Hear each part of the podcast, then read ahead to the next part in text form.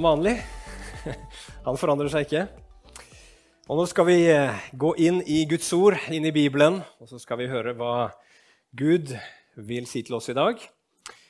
Dere har kanskje glemt det, men vi holder altså på med en serie her på Betel som heter 'Å leve i en bedre historie'. Vi har ikke vært inne på den siden forrige måned, september, av forskjellige årsaker, men nå er vi altså tilbake.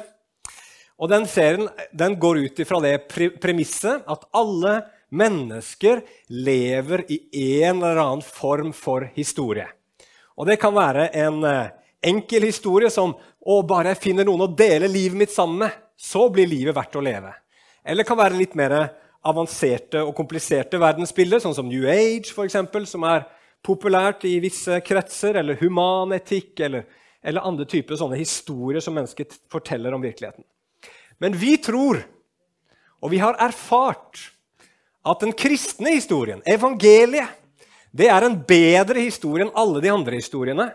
Det er en sannere historie. Det er den sanne historien. Og det er også en fantastisk vakker fortelling om en Gud som elsker på tross av våre synder og vårt opprør. Og Det vi har eh, snakka om da, denne, denne, i denne serien, det er at evangeliet identifiserer tre elementer i sånne historier. For det første behovet vårt. Hva er behovet? Og Evangeliet sier at vårt største behov det er fellesskap med Gud. Hva er problemet vårt i denne verden? Jo, Evangeliet sier at problemet vårt er synd. Og hva er løsningen? Jo, igjen, evangeliet sier at Jesus er løsningen. Og nå holder vi på med dette med synd. Og Hvis dere husker det, så lovte jeg dere for en tid tilbake at jeg skulle gi dere tre søndager med synd. Det gleda dere veldig til.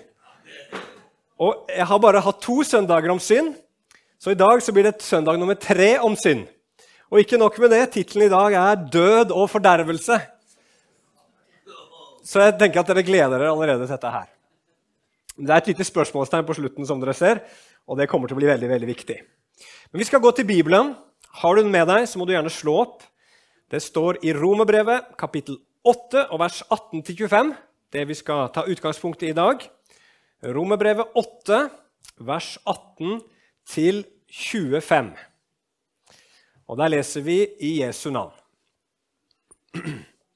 Jeg mener at det vi må lide i den tiden som nå er, ikke kan regnes for noe mot den herligheten som en gang skal åpenbares og bli vår. For det skapte venter med lengsel på at Guds barn skal åpenbares i herlighet. Det skapte ble underlagt forgjengeligheten, ikke frivillig, men fordi han ville det slik. Likevel var det håp. For også det skapte skal bli frigjort fra slaveriet under forgjengeligheten og få den frihet som Guds barn skal eie i herligheten. Vi vet at helt til denne dag sukker og stønner alt det skapte samstemt, som i fødselsrier. Ja, enda mer, også vi som har fått Ånden, den første frukt av høsten som kommer, sukker med oss selv og lengter etter å bli Guds barn, fullt og helt, når kroppen vår blir satt fri. For i håpet er vi frelst. Et håp vi alt ser oppfylt, er ikke noe håp. Hvordan kan noen håpe på det de ser? Men hvis vi håper på noe vi ikke ser, da venter vi med tålmodighet. Ja, himmelske Far. Å Herre, vi takker deg for at du har talt gjennom de hellige skriftene til oss. Et ord og ord og, og gjennom kapitler og historier og, og brev og alt mulig, Herre. For at vi ikke skal være uvitende verken om hvem du er, om hvem vi er, om hvordan vi blir frelst, om vår framtid, eller om noe annet som vi trenger å vite, Herre, for å kunne leve dette livet i fellesskap med deg. Og Herre, nå ber jeg om at du, Hellige Ånd, kommer og, og gjør ordet levende. Hjelp meg til å formidle sånn som jeg bør, Herre. Og hjelp oss alle sammen til å åpne hjerter og ta imot. Sånn at det du vil si i dag, Herre, det treffer oss. Det gjør det med oss som du sendte ordet til Gud. Og det styrker oss, Herre, til vår vandring med deg. Vi ber om dette i Jesu navn. Amen. Ja, Ut fra denne teksten her så har jeg da, som eh, veldig ofte, tre eh, hovedpunkter. Det første vi skal snakke om, er forgjengelighetens problem. Og det andre er forgjengelighetens opphav. Og det siste er forgjengelighetens håp. Eh, og Vi skal begynne med forgjengelighetens problem. Den teksten som vi nettopp leste, det er en tekst som handler for det første om for en herlig framtid vi som kristne er på vei mot. Men så forteller den også om at for oss kristne her og nå så er livet prega av det som Paulus sier er sukk og stønn. Sukk og stønn. Med andre ord frustrasjon og smerte. Og Vi har snakka om tidligere at frustrasjonen og smerten i verden det kommer fra våre og andre menneskers onde handlinger. Det er en del av det. Men i dag skal vi fokusere inn på det som Paulus her kaller i vers 20 og 21 for forgjengelighet. Forgjengelighet. Det er ikke et ord vi bruker så veldig mye i det daglige, så vi skal bruke litt tid på å forklare hva er det for noe. Forgjengelighet bruker Paulus her i vers 20 og i vers 21. Men det du ikke kan se i den norske oversettelsen, det er at Paulus bruker to forskjellige ord. Det første ordet, som står i vers 20 Du skal få slippe å få det på gresk. Men det kan etter min mening best oversettes med tomhet. Hvis du går til Det gamle testamentet og leser Forkynnerens bok, hvor Salomo sier alt er tomhet, tomheters tomhet, så er det sånn at I den greske oversettelsen av Det gamle testamentet, som er skrevet for lenge, lenge siden, så er det nettopp dette ordet her som brukes, om tomhet. Så her er, eh, snakker eh, Paulus om at verden sånn som den er nå, er prega av tomhet. Og hvis dere husker, så snakka Thomas om det her for en stund siden òg. Eh, jeg har sett at Noen engelske oversettelser også sier at, eller oversetter dette med frustrasjon. Så dette livet her, sånn som vi lever det under solen, er prega av tomhet og frustrasjon. Hvordan kan man forstå det? Så tomhet Og Som et eksempel på det så har jeg lyst til å ta han fyren her, Arne Næss jr. Det er en stund siden han levde nå, men han var en norsk millionær og eventyrer som eh, ja, hadde utrolig mye energi, tror jeg. Han gjorde enormt mye i livet sitt. Og en av de store målene i hans liv det var å bestige Mount Everest. Eh, og, og, Det var noe som han brukte ti år på å forberede. Det kosta mye både økonomisk og eh, fysisk for å liksom være klar til denne turen her. Og selve klatreturen også var spesielt krevende. Jeg har lest raskt i en liten sånn biografi om han. Og det var sånn at Arne Næss tålte veldig dårlig den tynne luften som var i høyden. Allikevel så besteg han enormt mange høye fjell gjennom sin levetid. Han liksom kjempa seg fram, for han skulle nå dette målet. Det var noe han hadde sett fram til. Det var kanskje et av de store målene i livet hans. Det var en milepæl. Og så etter alle disse forberedelsene, etter all den innsatsen, etter alle disse ofrene, så kom han endelig til toppen av Mount Everest. Og så skal han ha sagt at han kom opp på toppen, og så var det ingenting der. Og sånn tror jeg verden, jorden, verden under solen er. Den har en tendens til å skuffe oss. Vi ser hele veien fram til ting. ikke sant? Vi lengter etter ferie. Vi lengter etter å treffe venner og familie, kanskje. Du lengter etter å få forfremmelse på jobben din, eller du lengter etter å få din egen eh, familie eller få din egen bolig osv. Vi har alle disse lengslene. Men som oftest så blir det enten et antiklimaks, og så blir det ikke så bra som du hadde trodd det skulle bli. Ferien var bare ikke sånn som du hadde forventa. Eller nummer to, det kan bli fryktelig vanskelig og krevende, mye mer vanskelig og krevende enn du hadde trodd å få en familie eller å ha et hus å styre med som hadde alle slags mulige problemer. Eller nummer tre, så kan vi også oppleve at den gleden vi føler, bare varer altfor kort. Det er liksom over med en gang.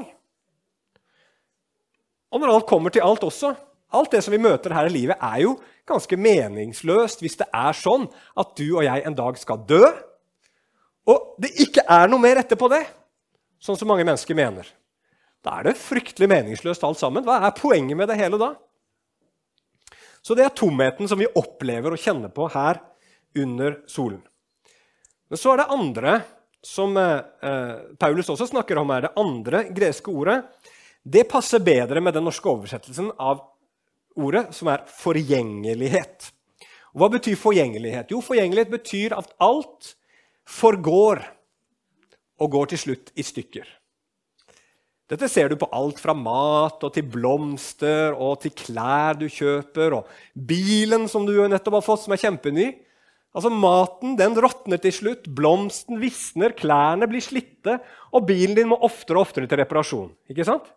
Og til slutt så blir ting ødelagt, ødelagte og ubrukelige. Og ikke bare er det sånn med ting i verden, men sånn er det også med kroppene våre. Jeg kikka litt på Internett for å, for å, sjekke når er det liksom det piker. Når er det vi når toppen i livene våre. Og hjernen din den når toppen når du er 18 år gammel. Så mange her er på, langt nede på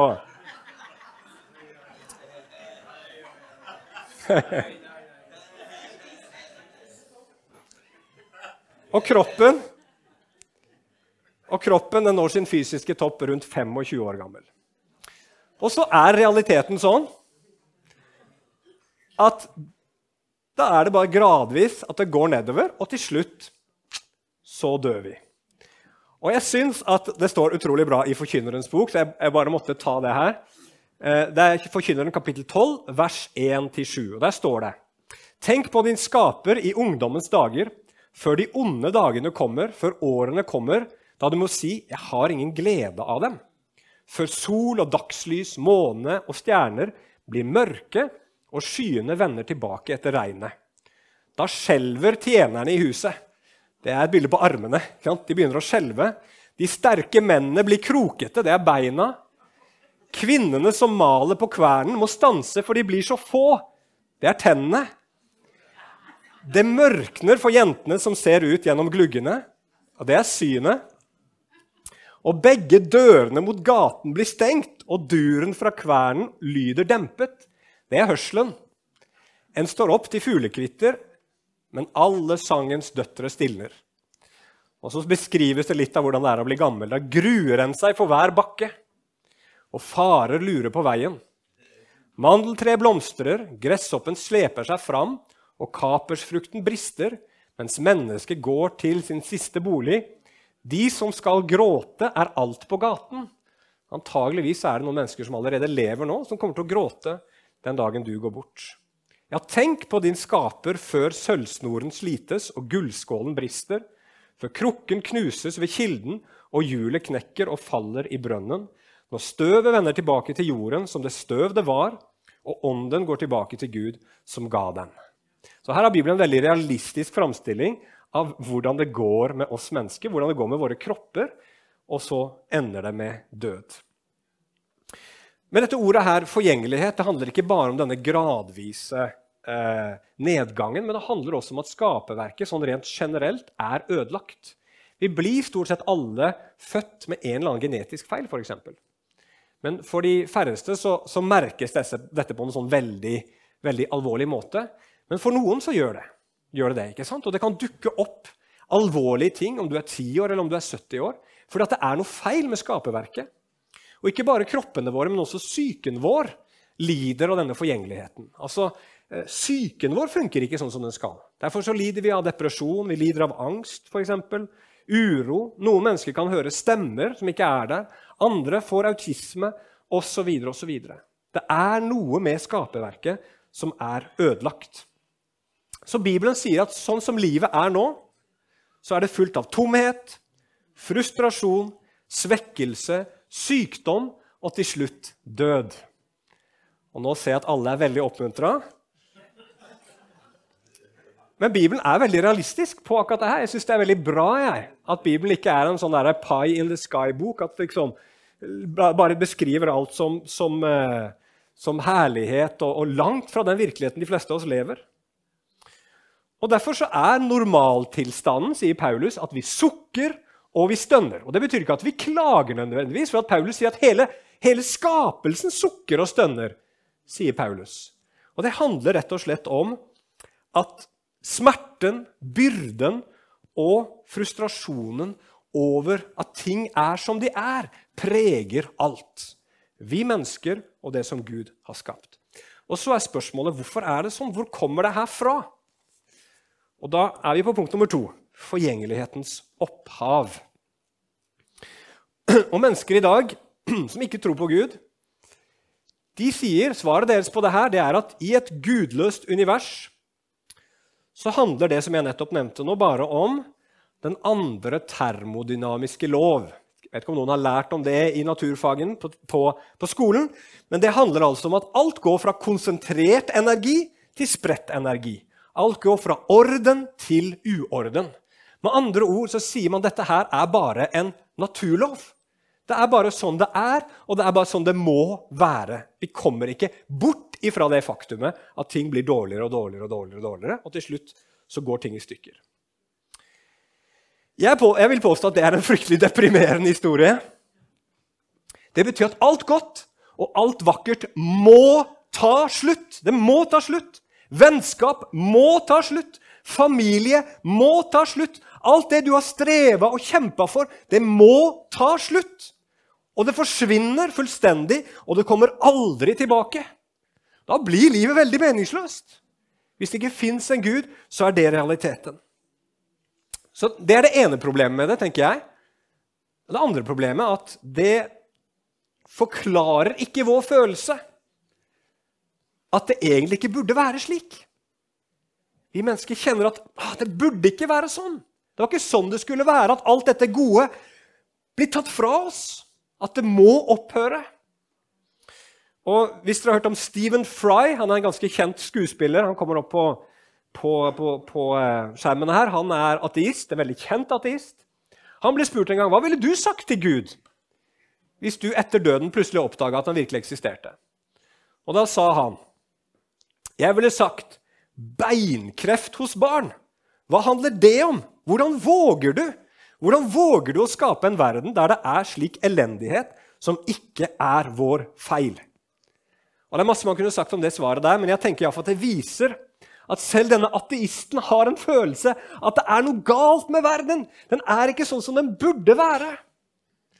Og den følelsen har vi alle sammen, for med en gang et eller annet skikkelig vondt rammer oss, med en gang det er en katastrofe, så sier vi veldig sjelden 'C'est la vie', som franskmennene sier.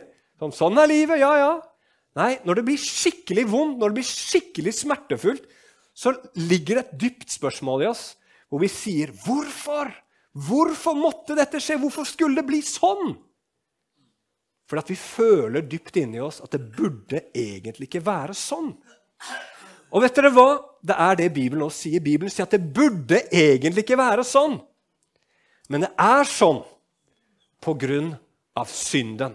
Det er synden som har brakt forgjengeligheten inn i verden. Og det skjedde da mennesket vendte seg bort fra Gud. Og så kan vi lure på hvor, hvordan har det seg, hvor, hva var det som gjorde at vår synd brakte denne forgjengeligheten inn i verden? Og Det kan virke som om dette her er en bevisst handling fra Gud. Vi leste i Romerne 8,20 at det står det skapte ble underlagt forgjengeligheten ikke frivillig, men fordi han ville det slik. Hvorfor ville Gud at det skulle være sånn? Og Dette her er ikke helt tydelig i Bibelen. Dette er, noen sier dette er et mysterium. Vi aner ikke hvorfor det ble akkurat sånn. Hvorfor måtte synden gjøre det sånn at forgjengelighet ble brakt inn i verden? Men jeg tror det finnes to i hvert fall mulige svar på at synd førte til forgjengelighet. For det første så tenker jeg at Gud gjorde det fordi at det rett og slett skulle være en rettferdig konsekvens, eller en straff, om du vil, for menneskets synd. Gud advarte dem. Han sa hvis dere spiser av dette treet, så kommer dere til å dø. Og da mennesket hadde gjort det, så kommer Gud til dem og sier nå blir det en konsekvens av det. Du kvinne kommer til å føde med sverte. Du mann kommer til å oppleve at jorden bærer torn og tistel. Og til slutt så kommer dere til å vende tilbake til støvet som dere kom ifra. Kom ifra. Så hensikten med det tror jeg var at Gud ønska å gjøre alvoret i fallet, i synden, til noe veldig konkret og håndfast for mennesket. Og Sånn er det jo vi mennesker også gjør, vi foreldre som oppdrar barn. F.eks. hvis et barn lyver, så er det ikke alltid sånn at løgnen med en gang får en naturlig konsekvens. Det er ikke sikkert det barnet opplever at det koster det noe, at det skaper problemer ved å lyve. Men vi vet at for det barnet, hvis det fortsetter å lyve og tenker at løgn er en grei måte å komme seg fram på i verden, så vil det føre til veldig alvorlige konsekvenser på sikt. ikke sant? Så Derfor er det for foreldrenes ansvar å gi en konsekvens nå for løgnen, sånn at barnet skal forstå at løgn medfører konsekvenser. Og Jeg tror Gud brakte denne forgjengeligheten inn i verden for at vi mennesker skulle forstå alvoret og konsekvensen av vår synd. At dette er noe alvorlig det er noe alvorlig å komme bort ifra Gud. Det bringer med seg alvorlige konsekvenser. Mye mer alvorlige konsekvenser at kroppene våre blir nedbrutt, og hvis de i slutt dør fysisk. Det ligger en åndelig død som ikke vi kan se med øynene våre, men som er en mye mer alvorlig konsekvens, og som har evige, evige konsekvenser for oss. Så det er det første. Gud ville illustrere alvoret. Men for det andre så tror jeg altså det fins en frelsende hensikt bak at Gud gjorde det sånn. Og I første Mosebok kapittel 3, vers 22, da mennesket hadde falt, så sier Gud om Adam og Eva.: Se, mennesket er blitt som en av oss og kjenner godt og ondt. Bare det nå ikke strekker hånden ut og tar av livets tre også, så det spiser og lever evig. Gud han, han ønska ikke at mennesket skulle leve evig som en synder. For det første så ville jo det skapt en grusom verden. Altså, Takk Gud for alle fæle mennesker opp gjennom historien som til slutt døde. Altså, Heldigvis så kan ikke vi fortsette å bli bare ondere og ondere og ondere i all evighet. Det stopper en dag, og det, verden blir spart for vår ondskap. Men det er også sånn at uten død så vil det heller ikke fantes noe håp for menneskeheten. For det er gjennom at vi først dør, at vi så kan bli født på nytt og bli frelst, sånn som Bibelen snakker om. Vi skal komme tilbake til det. Og jeg tenker på at denne Forgjengeligheten også har en frelsende effekt. Den får oss til å tenke på Gud. Når du, når du er ung og liksom alt går bra, så, så, så, er det liksom så lett å glemme Gud. Derfor sier Bibelen som vi leste, tenk på Gud i ungdommens dager. Men så når du merker at du blir svakere og svakere, at liksom ting begynner å tynge deg mer og mer, så blir det et alvor over livet også som begynner å, som begynner å synke inn. Uh, jeg tror rett at Gud har gjort det sånn for at han skal vekke oss opp til å tenke på vår egen dødelighet og tenke på Gud. Og det er, det er veldig interessant å se at i verden så er det de menneskene som tenker minst på Gud, det er de som bor i Vesten, som har fulle mager, og som har stort sett veldig gode helseordninger som gjør at man kan stille smerten til en viss grad og forlenge livet. Stemmer ikke det? Så jeg tenker at Forgjengeligheten er her for å hjelpe oss og vekke oss opp, sånn at vi kan søke Gud og finne håp. Og hva er håpet? Hva er forgjengelighetens håp?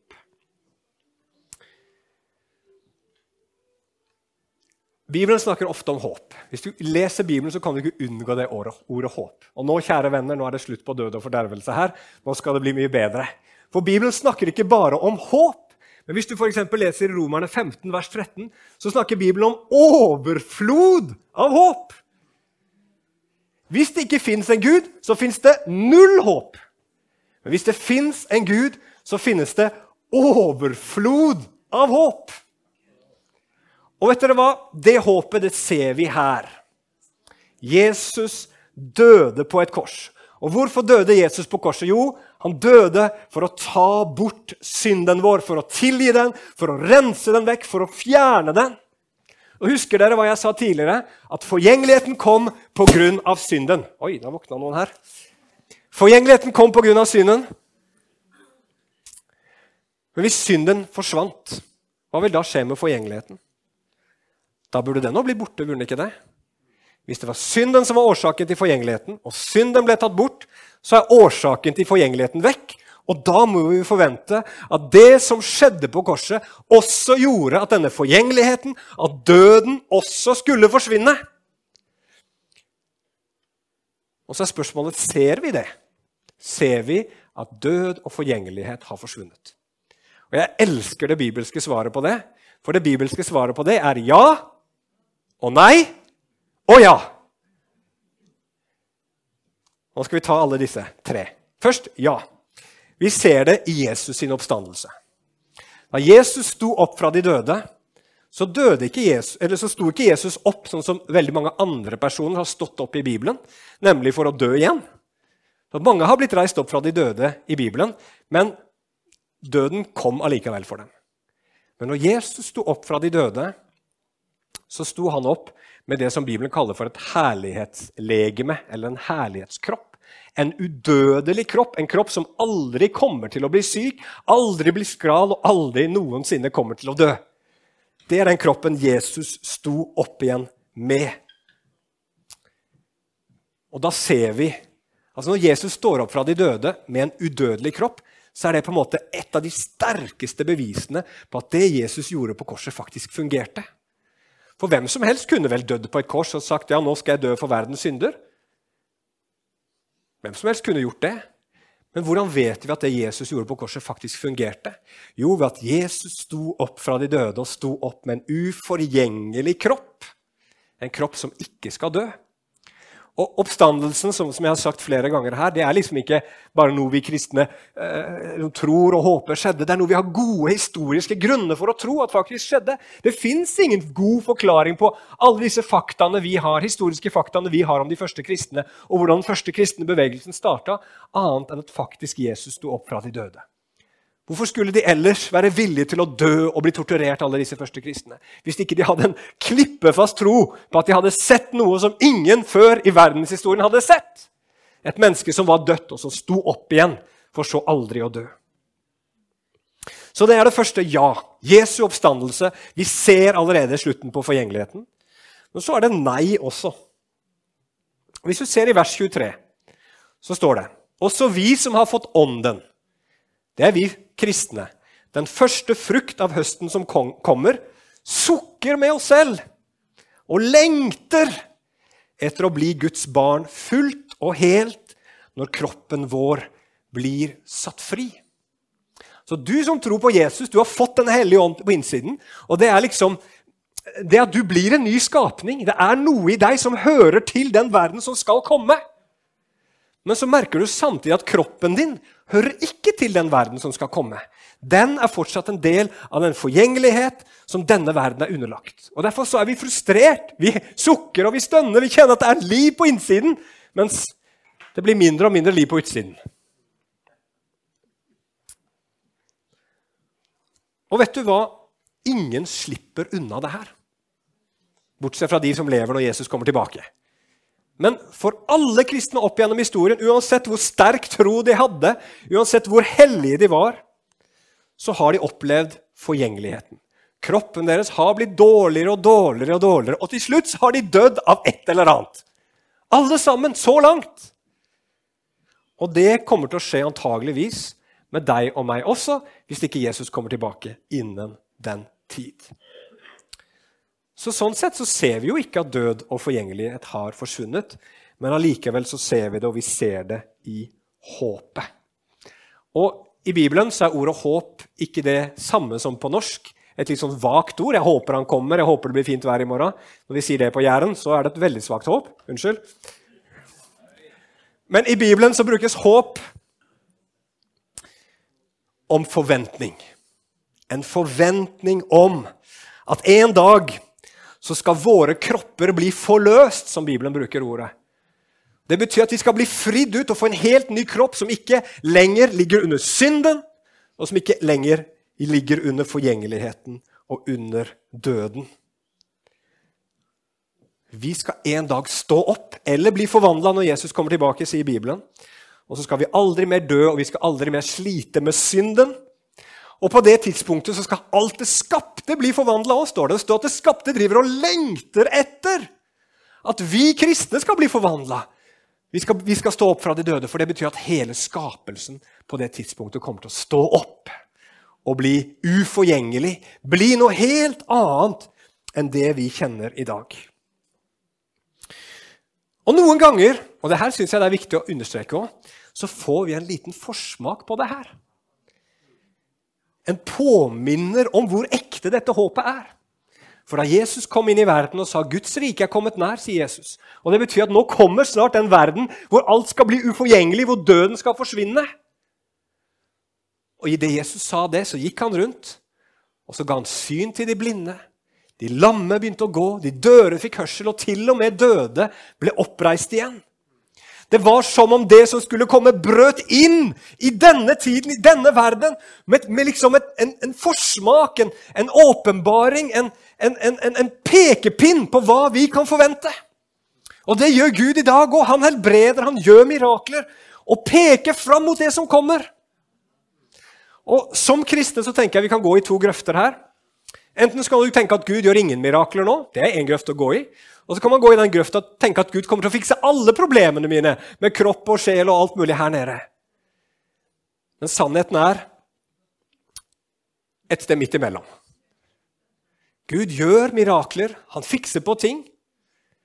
Men noen ting blir ikke bedre etter livet her. Fordi at vi er nødt til å dø av et eller annet til slutt.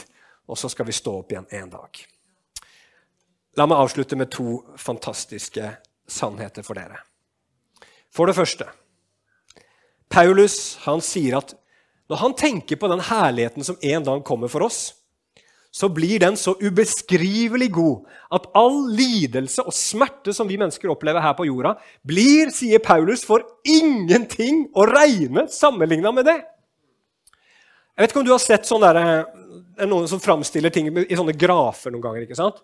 Så skal man liksom vise, vise nedgangen i et eller annet.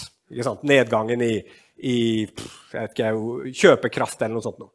Og så ser du bare en sånn vanvittig kurve rett ned. sånn, wow, liksom Helt ned. Og så tenker du wow, ja, det var en fryktelig nedgang. Alt kommer jo an på hva som står i tallene på venstre siden. her? Du har fått med deg Det Det kan være noen veldig små tall som, som gjør at nedgangen ikke er så liten. Og Hvis du da noen ganger ser denne nedgangen sammenlignet med en voldsom oppgang, som er ja, si, 1000 ganger større da, Når du sammenligner de to, så blir det bare en sånn liten, sånn, liten sånn blipp på den ene siden og så bare en sånn høy bue, en høy kurve opp på den andre siden. Og sånn tenker jeg det blir med evigheten. Evigheten, Når vi kommer til å se Gud ansikt til ansikt, denne her skrale kroppen kommer til å være, en, være historie, og vi får gå inn og være sammen med Gud for alltid, så kommer alt av lidelse. Og det er umulig for oss å forestille oss hvor mye lidelse denne verden er full av, og hva noen mennesker har måttet gå gjennom. Og så sier Paulus allikevel, som opplevde utrolig mye lidelse, at sammenligna med hvor bra det blir i framtiden, så blir det for ingenting å regne. Det kommer liksom til å vaske bort hele minnet av det. Man kommer til å tenke at det der det var verdt det. Det var ingenting sammenlignet med hvor bra det blir i, i himmelen. Så la oss bare oppmuntre hverandre med det. Og det andre som jeg har lyst til å si til slutt, det er at all smerte og frustrasjon vi opplever her på jorda, sier Paulus at vi kan kalle eller tenke på som fødselsveer, sier han i vers 22. Og hva betyr det? Jo, Vi vet jo hva fødselsveer er. Fødselsveer det er de, eh, de sammentrekninger som er ekstremt smertefulle, som en kvinne opplever før hun skal føde. Eh, men vi vet også at disse veene de er nødvendige. De må komme for at et nytt liv skal komme til verden. Eh, moren må igjennom det. Men nettopp fordi at moren vet at det kommer et barn, det kommer noe fantastisk, noe som jeg gleder meg til, som jeg har lengta etter og håpa på så lenge. Så blir det både mening til de smertene, og hun får kraft til å bære dem. Og Sånn kan du også jeg tenke om de smertene som vi opplever i denne tid og i denne verden. Det er noe som vi må igjennom. Men nettopp fordi det er noe vi må igjennom for å komme fram til en ny fødsel, en ny oppstandelse, så får våre smerter en helt annen annet perspektiv. Det er en slags påminnelse om at dette her er bare midlertidig. Vi er på vei til noe utrolig mye bedre. Det er bare noe vi skal gjennom en liten stund, og så skal vi inn i noe som blir så uendelig, uendelig mye bedre. En evighet med Gud på en ny himmel, ny jord, hvor rettferdighet bor, og hvor alt blir såre godt til evig tid. Det er du og jeg på vei mot. Halleluja. Og du er nærmere nå enn du noen gang har vært. Tenk på det. Det er jo godt å vite. Og husk på at det du går igjennom nå, er bare midlertidig. Det er en liten nedgang, og så kommer det en kjempekurve som kommer til å gå oppover eksponentielt i evighet. Amen. La oss be.